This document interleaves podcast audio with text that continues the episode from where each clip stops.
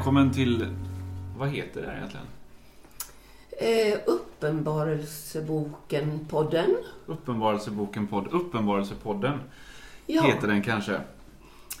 Roligt att du lyssnar. John Alstersjö heter jag och jag är präst i Svenska kyrkan på Orust. Eh, Och jag sitter här med... Annika Alstersjö. Och jag är församlingsmedlem i eh, Stala församling, där du är präst. Just det. Ja, Vi delar efternamn så att eh, vi Ja. kan säga att vi är släkt. Det är vi. det är vi. Ehm, Ja, och du, du är teolog dessutom. Du har en teologisk eh, utbildning bakom dig. Ja, jag eh, har en teolkand. Jag studerade till präst och blev sjuk och lyckades inte avsluta mina studier. Men eh, tron och glädjen i tron och ja, det fortsätter ju. Det fortsätter. Och nu sitter vi faktiskt vid ditt köksbord. Mm. Det är tisdag. Klockan är ja, 9.34 ungefär. Eh, och vårsolen skiner in genom fönstret. Det är ljuvligt. Det är Faktiskt. 24 mars idag va? Ja, Underbart. det är det. Mm. Och vi har faktiskt satt fram en extra stol vid vårt bord. Just nu sitter Elgen Ludde på den. Eh, Men vi tänker oss att du som lyssnar faktiskt är med och deltar i det här samtalet. Eh, För det är precis det här, det är det som det här är. Den här podden är ett samtal, ett bibelsamtal runt eh, Uppenbarelseboken. Bara ett förtydligande där. Älgen Ludde, det är inte en riktig älg då. Utan det är, det är ett litet kramdjur. Det är många som blir besvikna nu. Men eh, ja, det är bra. Rätt ska vara rätt. Ja. Eh, tanken var ju att vi skulle ha de här samtalen eh, i kyrkan och vi började ju faktiskt. Vi har haft tre träffar i kyrkan där vi har samtalat med andra då som var med i samtalet. Men i och med det som händer i världen med Corona och ja, alla inskränkningar som det har inneburit så tänkte vi att nej, vi fortsätter samtalet men i den här formen istället. Eh, men det gör också att vi börjar lite om från början. Så att eh, Mm. om du inte var med i, när vi träffades i kyrkorna så, så gör inte det något. För vi tar det, vi tar det från början. Uppenbarelseboken. Varför läser vi Uppenbarelseboken? Det var så att jag, jag har aldrig läst den. Eh, jag har gjort lite sådär att eh, läst lite här och där. Och så har jag tyckt att det har varit för svårt. Det är så många konstiga alltså symboler och bilder eh, som jag inte alls har förstått. Men så i höstas så kände jag att om jag nu har läst ganska mycket i Bibeln då blir det ju nästan som att, alltså när jag inte läser Uppenbarelseboken, det är som att läsa en deckare men inte läsa slutet. Just det. Mm. Och eh, jag tyckte att nej, nu är det dags att ta tag i det.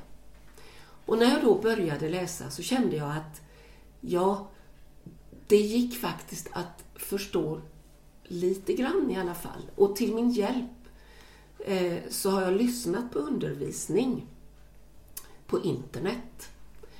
Eh, bland annat en sida som heter bibelstudium.com org, förlåt, org. Bibelstudium.org. Där en, eh, en eh, pastor, Lars Mörling, eh, undervisar. Och även Mikael Telbe, som är en, en känd förkunnare och lärare, bibellärare. De har jag lyssnat på. Mm. Plötsligt gick det att, att förstå lite grann i alla fall. Det är, jag tänker på det där den etiopiska hovmannen kan man läsa om i Bibeln. Eh, och han eh, i Apostlagärningarna. När han är ute på resa och så eh, är det, ja, vem är det som kommer till honom? Det är en av lärjungarna som, som hör honom läsa ur Jesaja tror jag det är. Och så frågar då lärjungen, den etiopiska hovmannen, förstår du vad du läser? Och så säger hovmannen, nej hur skulle jag kunna göra det? Jag har ju ingen som berättar för mig eller öppnar texten för mig. Ehm, Och det är väl en poäng också i Bibeln det där, att man, mycket kan man ta till sig själv och anden talar till oss när vi läser Bibeln. Men ibland så är det också gott att få sitta tillsammans och dela de där nycklarna med varandra. Ja, precis. Och det, eh, det, blir så mycket, det blir så levande när man delar tankarna som väcks mm. när man läser tillsammans. Mm. Och sam, bara samtalar. Och det, det, handlar inte om att man ska kunna en massa. Mm. Utan man samtalar. Det ena ger det andra. Mm. Kanske har du en bibel, du som lyssnar där hemma. Eh, det finns ju lite olika översättningar och det, ja, de ger olika saker. Jag tror att både du och jag, eh, Annika, har Bibel 2000 ja. Eh, här framför oss. Ja. Eh, och Uppenbarelseboken hittar man ju allra sist, i den sista boken eh, i Bibeln, som du sa.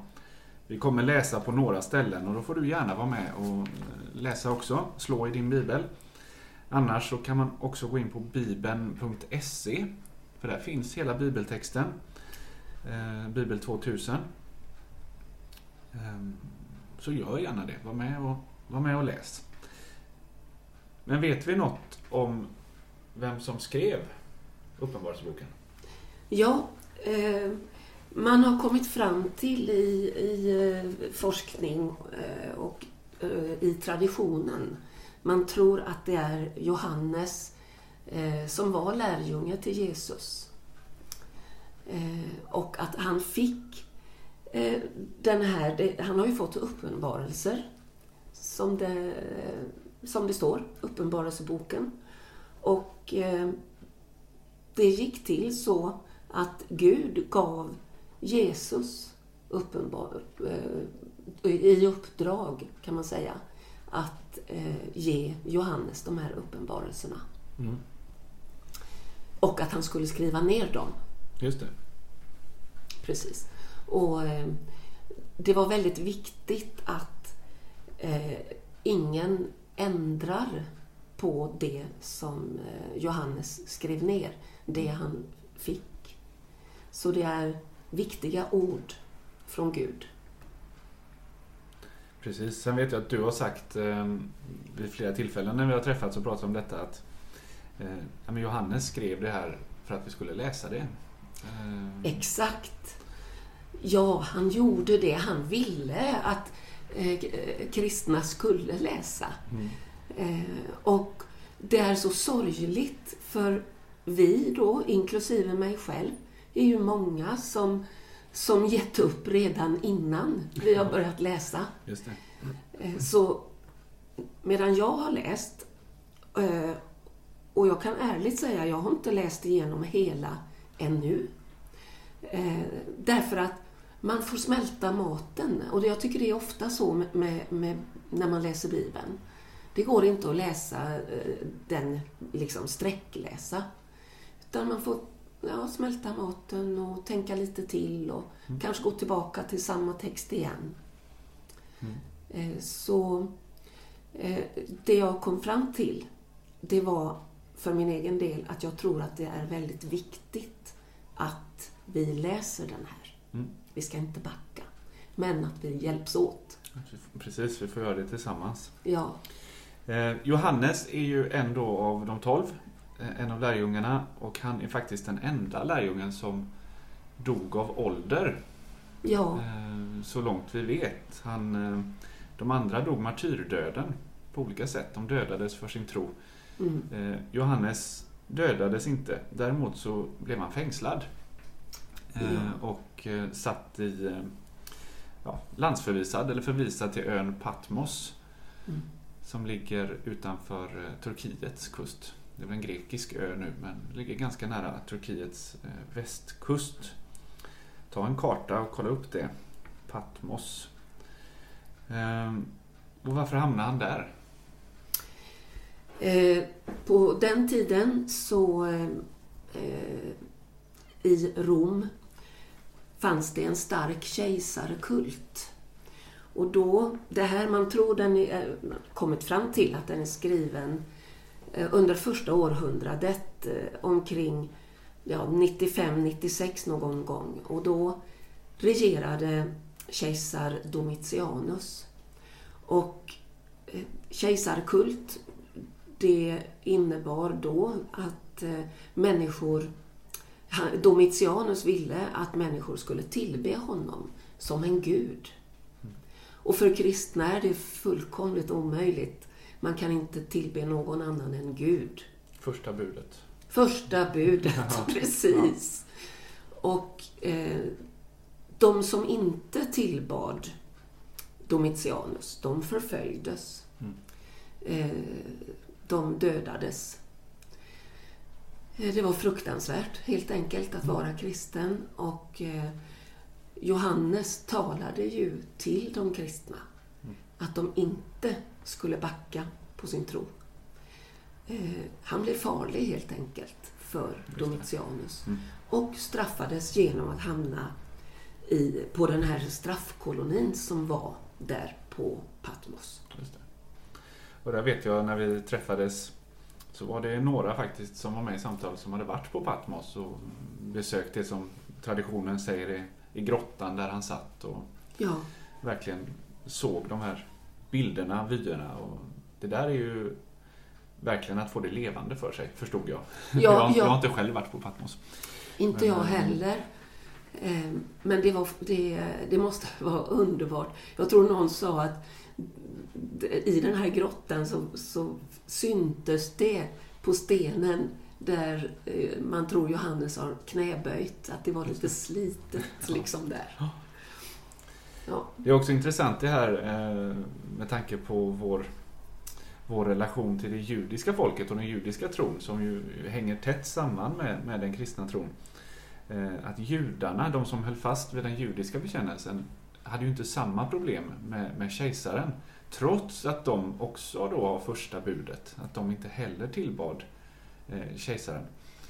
Men av någon anledning då så romarriket och den romerska kulturen hade en väldig vördnad för, för, för det som hade långtida anor, alltså det som sträckte sig långt tillbaka. Som den judiska tron som de beundrade i sin liksom, obrutna eh, historia. Och därför så menade man att det judiska folket, ja de, de har ändå så märkliga sedvanor och bruk så det spelar inte så stor roll. Precis. vad de, vem de tillbad eller inte. De var inte så många heller eh, kanske i, i romarriket att, att det gjorde någon skillnad. Men däremot kristendomen som då inte hade, hade inte det etniska som, eh, som sin grund. Nej, Utan precis. det var ju tron som grund. Då blev det farligt. Eh, Och Ja. de kristna utsattes då på ett annat sätt. Sen har det judiska folket utsatts på, på många olika sätt genom historien, såklart. Men just, just där och då så var, inte, så var det skillnad mellan de kristna och eh, judarna. Ja.